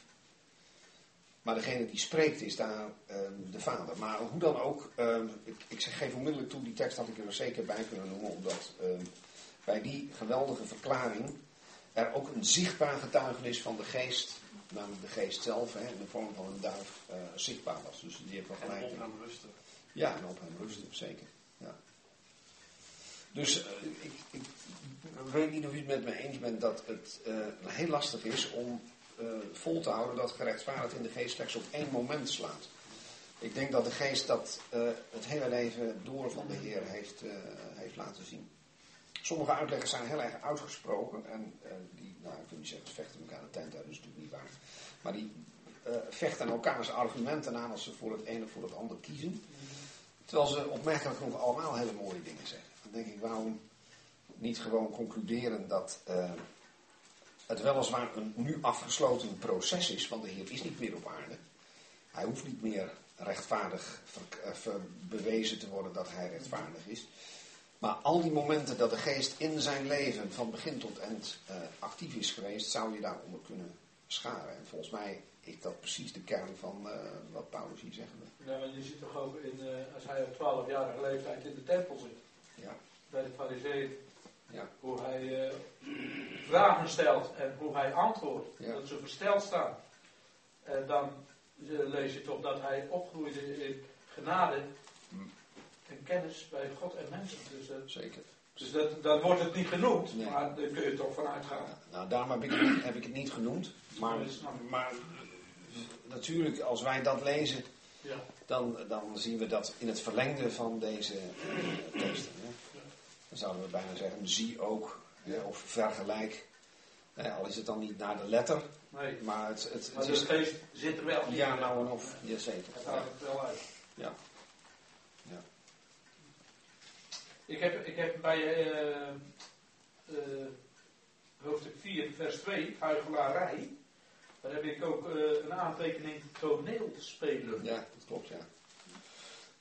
En dat eh, mooie blad rechtstreeks ook een keer een artikeltje Zou dat ook lezen dan? verschenen waarin, waarin dit woord wordt uitgelegd. Het woord huichelarij betekent oorspronkelijk toneelkunst. Ehm, en een, eh, een huigelaar, eh, in, in onze taal een hypocriet, hè, vroeger in het Grieks een hypocrites, de oudste betekenis van het woord, is letterlijk antwoorder. Want de oudste toneelstukken, daar had je slechts één of twee acteurs, die elke keer een ander masker voor hun hoofd hielden, en dan speelden ze een andere rol, en waar antwoorden ze op, op het koor. En later is men dat begrip toneelspelen ook gaan toepassen op mensen die helemaal nooit op de plank hadden gestaan, maar in het gewone leven niet recht door zee waren en niet zichzelf. En dan zijn wij, jij bent eigenlijk ook zo'n zo'n toneelspeler. En het woord huigelaar ehm, heeft zich ontwikkeld ehm, helemaal buiten de toneelwereld om. Ehm, en wat wij doen als we eh, niet onszelf zijn, maar eigenlijk een rol spelen, is, is in feite toneelspelen. Dus eh huichelarij, hypocrisie, dat is toch ook een woord dat veel mensen tegenwoordig kennen. Nou, on- ongemerkt gebruiken ze dan het Griekse woord voor toneelspelen, dat klopt. Hoe denken jullie trouwens dat je je geweten kunt dichtschroeien? Stel ik eens een vraag. Wat, wat, hoe lezen jullie dat? Ik heb wel een idee over, maar ik wil toch eerst even vragen. Nou, ik zit echt aan die gedachtenwereld te denken. Dat je die gedachten als het ware binnen laat komen. En dat je die niet veroordeelt en wegdoet. Ja, dus je geweten eigenlijk overtreedt. Ja. Dat- is wat ik zou zeggen. Ehm, ik kan niet echt één tekst noemen, maar het, het lijkt me dat het moeilijk anders kan. Dat je, als je je geweten, ehm, je kunt het aan de ene kant oefenen. Dat, wordt gezegd, die uitdrukking, in verband met het woord van God. En als je dan desondanks het, eh, het overtreedt, dan, dan wordt de werkzaamheid steeds minder. En dan wordt het een stomp eh, mes. En dan wordt het, eh, ja, het is lastig te vertalen dit woord. Eh, dichtschroeien of brandmerken, dat staat ook in de Tegelvertaling, geeft ook die andere vertaling. Ehm, dat is niet helemaal duidelijk, maar er er wordt duidelijk van buitenaf iets met dat geweten gedaan, eh, in, in deze beeldspraak tenminste, eh, waardoor het niet meer werkt. Dat, dat, dat snapt iedereen. Of nou met een brandmerk gebeurt het op een andere manier.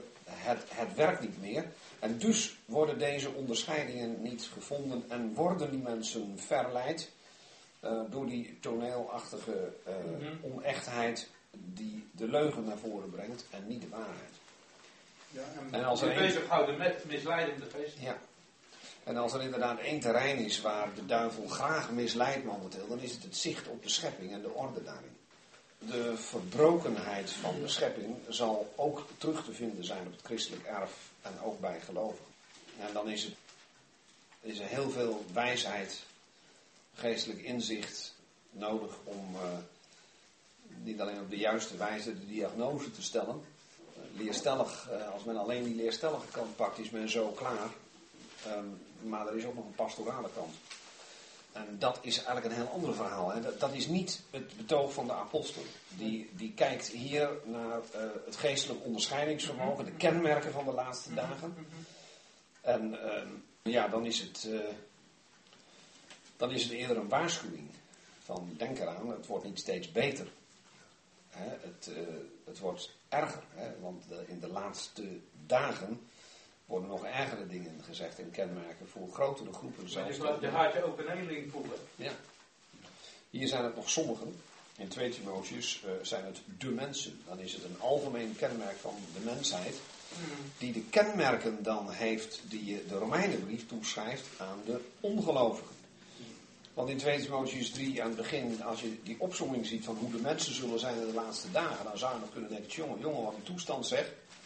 En dan heb je daar drie, vier versen lang die kenmerken gelezen. En dan staat er in vers 5, ze hebben een schijn van godsvrucht, maar de kracht daarvan verlogen is. En dan zie je tot je schrik dat je die kenmerken tegenkomt op het uh, christelijk erf. Of om met de taal van 2 Timotheus te spreken, het terrein van het grote huis.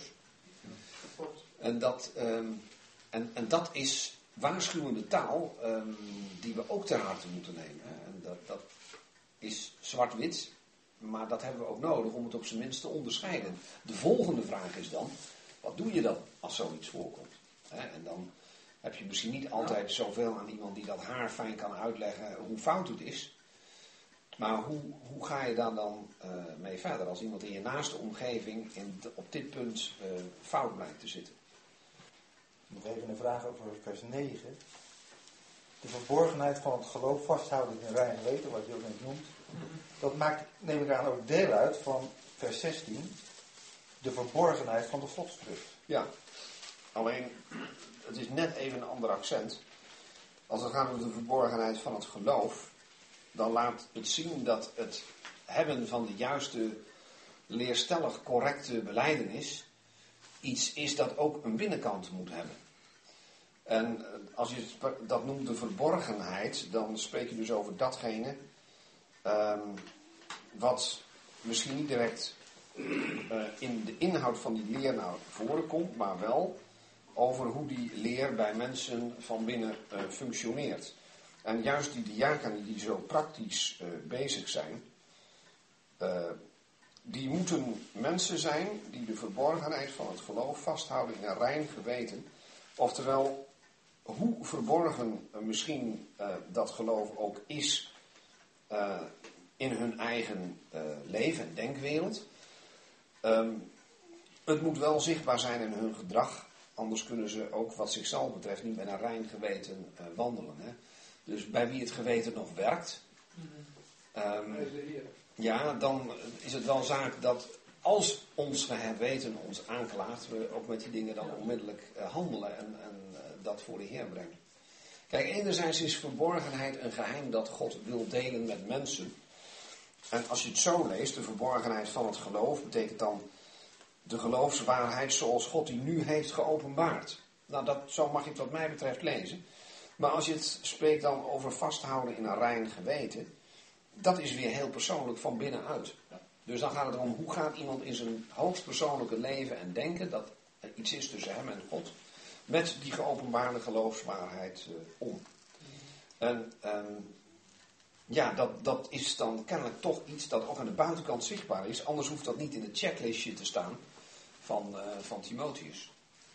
Ja, als dit iets is dat alleen maar de binnenkant betreft. Het, het moet op de een of andere manier zichtbaar zijn dat het iemand is die ook wat zijn geweten betreft zuiver wandelt. Ik kan nog een vraag. Um, vers 11, hoofdstuk 3, vers 11. Um, er zijn uitleggers die zeggen van, uh, er staat in die schrift dat Febe een diacones was. Ja. Dus is dat een praktisch voorbeeld dat vrouwen ook een diaken kunnen zijn. Ik heb zelf altijd gedacht, omdat hun niet in de context staat, zou het, omdat hier wel over vrouwen gesproken wordt en niet in het eerste stukje van oudste, heb ik zelf altijd gedacht van, lijkt de schriftstof aan te geven dat oudste opzieners mannen moeten zijn. En hier gaat het over vrouwen, dus zou het ook, een dienares zou ook een vrouw kunnen zijn. En dan met een voorbeeld, zeg maar velen. Omdat dat erbij staat. En hoe, zie je dat dan? Ja, de moeilijkheid is ehm, dat nergens precies staat wat die mensen deden. Ik heb laten zien welke kanten je uit kunt gaan en wat de argumenten daarvoor zijn. Hè, handelingen 6, die twee visies op die tafels. Eh, dat het dienstbetoon is, praktisch dienstbetoon. En inderdaad vind je in Romeinen 16, uh, Febe genoemd, een diacones van de gemeente in Kengreën. Dat is een gemeente uh, in de buurt van Korinthe. Korinthe had twee havens. En een daarvan heette Kengreën. En daar kwam kennelijk een apart gezelschap van gelovigen samen die ook een gemeente werden uh, genoemd. En um, wat haar taak inhield, weten we niet. Ze wordt wel een dienares genoemd, alleen sommigen zeggen dan, je moet die aanduiding niet te ambtelijk lezen. In de zin van, uh, hier uh, lijkt dat wel zo te zijn, omdat ze na de oudsten worden genoemd. Maar de vraag is, moet dat altijd?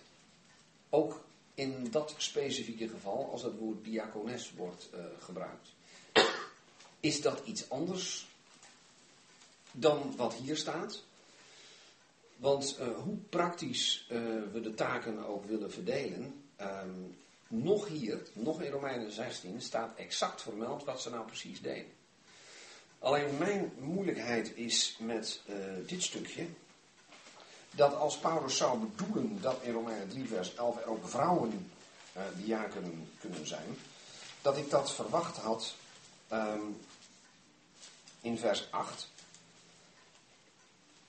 Maar um, ik, als het niet zo is, en er in vers 12 nog eens een keer staat, laten dienaars mannen van één vrouw zijn, dan is het voor mij heel moeilijk om bij vrouwen aan een aparte categorie diakenen te denken die dan echt van het vrouwelijk geslacht zijn, terwijl in vers 12 weer staat dat ze geacht worden mannen van één vrouw te zijn. Dat vind ik zo moeilijk te rijmen. Kijk, ik kan er proberen onderuit te komen, met, met, alle uh, goede bedoelingen. Door me gewoon af te vragen hoe breed is dat spectrum wat valt onder de diakenen hier in dit hoofdstuk. Is dat hetzelfde als in Romeinen 16 of niet? En dat weet ik gewoon niet. Maar ik vind de gegevens onvoldoende om te zeggen. Uh, uh, kennelijk uh, gold alles wat hier staat voor mannelijke diakenen omgekeerd ook voor vrouwen. Dat zou ik niet durven concluderen. Maar soms is het helemaal niet zo erg, denk ik, om een keer te zeggen dat je uh, een schriftgegeven tegenkomt dat je een beetje moeilijk kunt rijmen met een gegeven dat je elders aantreft. En ik erken het probleem wat jij noemt. Uh, misschien had ik het uit mezelf al genoemd, uh, want natuurlijk, je kunt aanvoelen dat de vraag over Febe komt. En um, eerlijk gezegd dacht ik er op het moment dat ik dit vers besprak eh, even niet aan haar, maar ik heb me daar natuurlijk ook wel eens mee eerder mee bezig gehouden en uh, ben daar niet helemaal uitgekomen. En uh, het grote probleem blijft dat we hier weliswaar een profielschets vinden van wat voor soort mensen, mijn zinziens mannen, diakenen uh, moeten zijn. Maar uh, dat we dat niet vinden van de, de vrouwelijke diakenen. En uh, wil ik voor de zekerheid even kijken of er ook echt een vrouwelijk woord voor diaken wordt gebruikt in Romeinen 16. Want als dat zo is, dan zitten we een stuk, het probleem een stuk minder groot. Uh, nee, daar staat hetzelfde woord, dit woord wordt kennelijk ook voor vrouwen gebruikt in Romeinen 16. Dus dat maakt het probleem niet eenvoudig. Dus soms moet je gewoon erkennen dat er wel eens een keer een, een uitlegkundige onzekerheid kan zijn. Maar ik zou ze er hier niet in durven lezen. Niet in deze profielschets die Timotheus krijgt. En mijn hoofdbezwaar daartegen, als je het toch doet, is vers 12. Hè, want ik neem maar dat iedereen dat aanvoelt. Da- dat komt dan op een hele vreemde manier er ineens eh, achteraan. Dan had ik nog een vraag. Of iemand anders. ja, ik had er heel graag de vorige keer bij de vragenbespreking willen zijn. Ehm, toen ging het over dat ehm, mannen bidden en vrouwen moeten waardig gekleed zijn. En toen heb je volgens mij deze tekst uit vers 15 ook genoemd. En ik heb zelf altijd gelezen dat de kerntekst van de eerste Timotheusbrief, althans heb ik het gedacht, is vers 15. Dus Paulus, 3 vers 15. Dus Paulus schrijft deze brief opdat wij weten hoe we ons moeten gedragen in het huis van God. Ja. Dus ik heb altijd gedacht, eh, in dit boek vind je instructies over je gedrag, eh, zoals je je binnen de gemeente gedraagt. En nu, nu zei jij van, ehm, je, zoals men zich moet gedragen in het huis van God, en toen zei je dat is elke dag. En even kijken hoor, ik, als je. Ik heb zelf altijd gedacht dat je. dat God blijkbaar het zo ziet, als ik het verbind met 1 Korinthe, dat God bepaalde regels heeft voor openbare samenkomsten, gemeentelijke samenkomsten noem ik dat dan maar even. En dat God daar bepaalde dingen regelt. En dat het gedrag in de privésfeer bijvoorbeeld anders kan zijn. God geeft bepaalde taken aan mannen om zich te uiten in de gemeente. Maar blijkbaar 1 Corinthië 14 zegt hij tegen vrouwen van, dat moet je eh, niet doen. Althans, zo lees ik het. Ja. Dus ook 1 Timotheus dacht ik van, hé, hey, ehm, de aanwijzingen die ik in de eerste Timotheusbrief vind, gaan vooral over ons gedrag in de gemeentelijke samenkomst, heb ik gedacht. Nu zei jij iets anders. En dan, Ja. denk, dan denk ik van, ehm, kan je dat een beetje helderder nog maar... Ja, ik eh, alleen al. ehm, nou, laat ik het anders zeggen. Ehm, ik zou niet durven zeggen dat als er sprake is van het huis van God eh, en de eh, gedragsregels daarvoor, dat je dat moet beperken tot de gemeentelijke samenkomsten. Want we maken altijd deel uit van de gemeente. Dus ook altijd van het huis van God. We zijn ook altijd de bruid. We zijn al die dingen altijd tegelijk. En in 1 Timotheus 2 vind je ten aanzien van de vrouw ehm, meer eh, eh, vrijheid, als ik het zo mag zeggen, dan in 1 Korinthe 14, waar je net zelf op wijst, eh, waar haar stem niet mag worden gehoord, althans niet bij gewone zinuitingen. Terwijl in 1 Timotheus 2 je ziet eh, dat ze ehm, zich moet laten leren. In vers 11. Maar niet onderwijs mag geven of over een man heersen. Maar zij moet stil zijn. En toen heb ik uit, het woord stil uitgelegd. Stil betekent daar niet zwijgend. Maar het betekent in rust. In de zin van niet actief. Niet de actieve partij. Eh, de vertaling stil is misleidend. Ik vind het jammer dat we hem gekozen hebben. Want eh, ik wist toen nog niet dat eh, ons die hele toestand met 1 Corinthië 14 boven het hoofd hing en wat er allemaal in de praktijk zou gaan gebeuren. Maar dit is duidelijk iets wat minder ver gaat. Dus stil is in rust, oftewel dat staat tegenover wanorde of tegenover activiteit. En ehm, daarom zou ik er eh, best voor kunnen voelen om in het stukje vanaf vers 11 van hoofdstuk 2 te denken aan de privésfeer. Eh, een huiselijke samenkomst waar een vrouw bijvoorbeeld wel vragen kan stellen, want dan is ze niet in strijd met dat stil. Dat is ze wel als ze onderwijs gaat geven. Als ze zich niet in alle onderdanigheid laat leren, maar onderwijs geeft, vers 12. Terwijl 1 Corinthië 14 gaat verder, maar daar staat expliciet bij dat dat te maken heeft met in de gemeente en in de gemeenten en als gij samenkomt. En dat wordt hier niet gezegd. Het enige wat hier staat is in vers 2, vers 8, in elke plaats. Oftewel gewoon overal. En dat wordt vaak gelezen als in elke plaatselijke gemeente, maar dat staat er niet. Er staat gewoon in elke plaats, oftewel overal.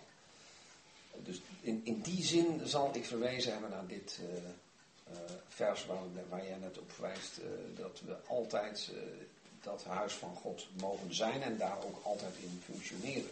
Alleen de manier waarop ik in een gemeentelijke samenkomst als zuster functioneer, is kennelijk wat het uiterlijk betreft en het gedrag iets anders dan de manier waarop ik als zuster fungeer in een samenkomst als deze.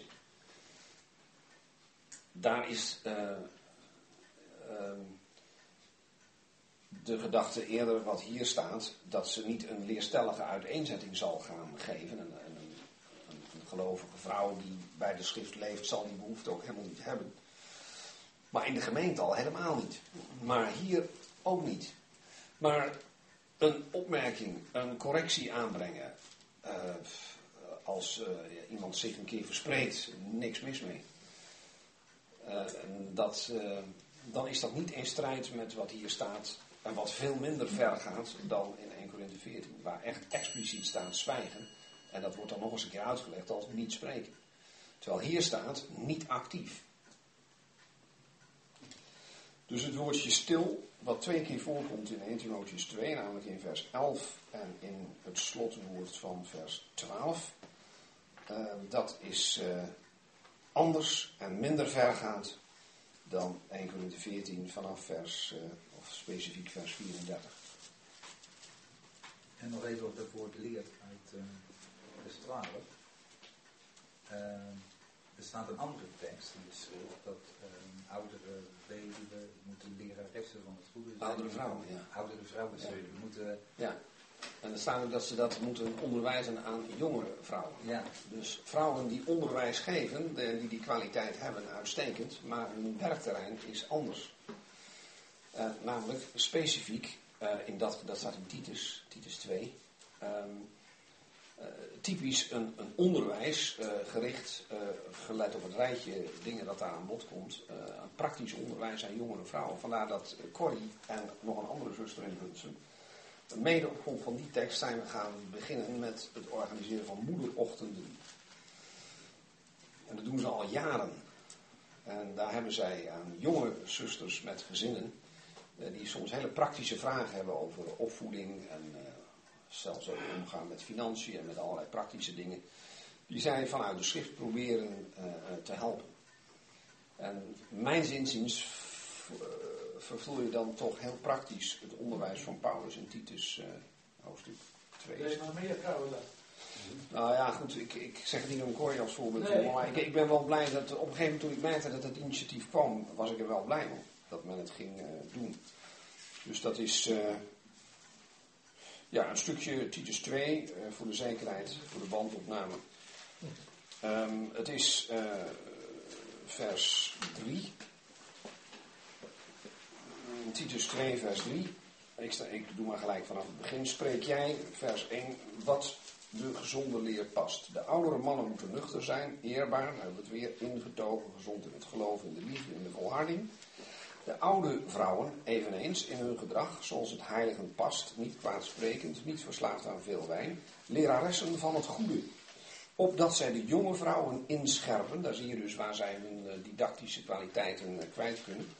Opdat ze de jonge vrouwen inscherpen hun mannen en kinderen liefde hebben ingetogen zijn, kuis, huishoudelijk goed, aan hun eigen mannen onderdanig te zijn, opdat het woord van God niet gelasterd wordt. Nou, dat is uitermate praktisch onderwijs dat een vrouw vele keren beter kan geven aan andere vrouwen dan wij uh, ongevoelige uh, mannen. Zo noem ik het dan maar even. Die vaak de nuances in dit opzicht niet altijd zo haarfijn aanvoelen. En dat Paulus dan ook niet aan Titus overlaat. Hij zegt niet, doe jij dat maar even. jij weet ook wel wat de schrift daarover zegt. Dat laat hij echt aan vrouwen, aan oudere vrouwen over. met levenservaring en zekere rijpheid. Dus ik vind dat wel mooi eigenlijk. Dat de apostel duidelijk laat zien als vrouwen leerstellige kwaliteiten hebben, en dat kan zeer zeker, wat hun werkterrein dan is. Ja, maar de ervaring leert ook, tenminste dat uh, is mijn ervaring met mijn eigen vrouw, zeg maar, in ons dorp. dat zij dus gewoon door jonge vrouwen of soms door oude vrouwen wordt aangesproken in de winkel, dat ze hun verhaal gaan vertellen. Ja. En dan zegt ze, wat is dat? Ik zeg, dat is wat op in Titus staat. Zij ziet iets in jou, dat je een bepaalde rust of een, een bepaald eh, evenwicht uitstraalt, door je gedrag, door je handel, door je wandel. Dat zie je in vertrouwen hebben. Ja, dat is mooi. En dat, is, en dat zou, ja, ik denk dat een heleboel vrouwen dat niet beseffen, dat ze zo ook kunnen functioneren en eh, tot, een, tot een dienst kunnen zijn. Ja, en heel veel in huis hebben we daarvoor. Ja, ja, ik denk het zeker. Ja. Ja, toch even. Je kan dus niet zeggen, als ik je goed begrijp, dat. ehm, maar ik sta mijn vrouw niet toe dat zij leert en dan komt God, en dat schijnt in het Grieks en ook niet te zijn, Ja, precies. over een man heerst. Ja. Dus als, als, ik, ja, als ik na leert een punt zou zetten, dan, dan, dan lees je daar toch dat ze dus niet systematisch de schrift uit mag leggen. Althans, zo werd het altijd gelegd. ge- ge- Ja, nou, ik denk nog steeds dat dat zo is. Maar dat wil niet zeggen dat ze de schrift niet moet kennen om wat die praktische dingen betreft een goede onderbouwing te geven. Dat is iets anders dan de leer van de rechtvaardigmaking uit te leggen. Dat doe je ook niet als je het evangelie brengt. Veel vrouwen brengen het evangelie op een manier waar ik jaloers op ben. Maar die gaan niet een schriftuurlijke eh, eh, onderbouwing geven van de rechtvaardigmaking of van de verzoening. Maar die leggen uit wat de Heer voor hen gedaan heeft. Eh, anders dan ik het misschien zou doen. Maar het werkt wel. En een evangelist is ook geen leraar. En een vrouw die leert, heeft een ander terrein dan wij. En dat wil niet zeggen dat ze de schrift niet zou moeten kennen. Maar dat betekent iets anders dan dat je daar een leerstellige dienst aan koppelt. Want dat vind ik juist het mooie. Je kunt wel tegen aan moeders zeggen hoe je moet voorkomen dat een kind zijn bord niet leeg eet of iedere keer uit bed loopt s'avonds. Ja, dat, dat, daar zijn ook best verstandige opmerkingen over te maken. Maar het is mooier als je dat koppelt aan bijvoorbeeld hoe bepaalde moeders in de schrift hebben gefungeerd en laat zien waar die hun accenten legden. Nou, dan kan het best zijn dat er ook nog zo'n hele praktische vraag achteraan komt. En eh, dat daar wat eh, onderlinge ervaringen worden uitgewisseld. Maar dan wel in een sfeer van wij willen het zo doen als deze godvrezende vrouwen die daar eh, in de schrift naar voren komen. En volgens de beginselen die de schrift ook geeft.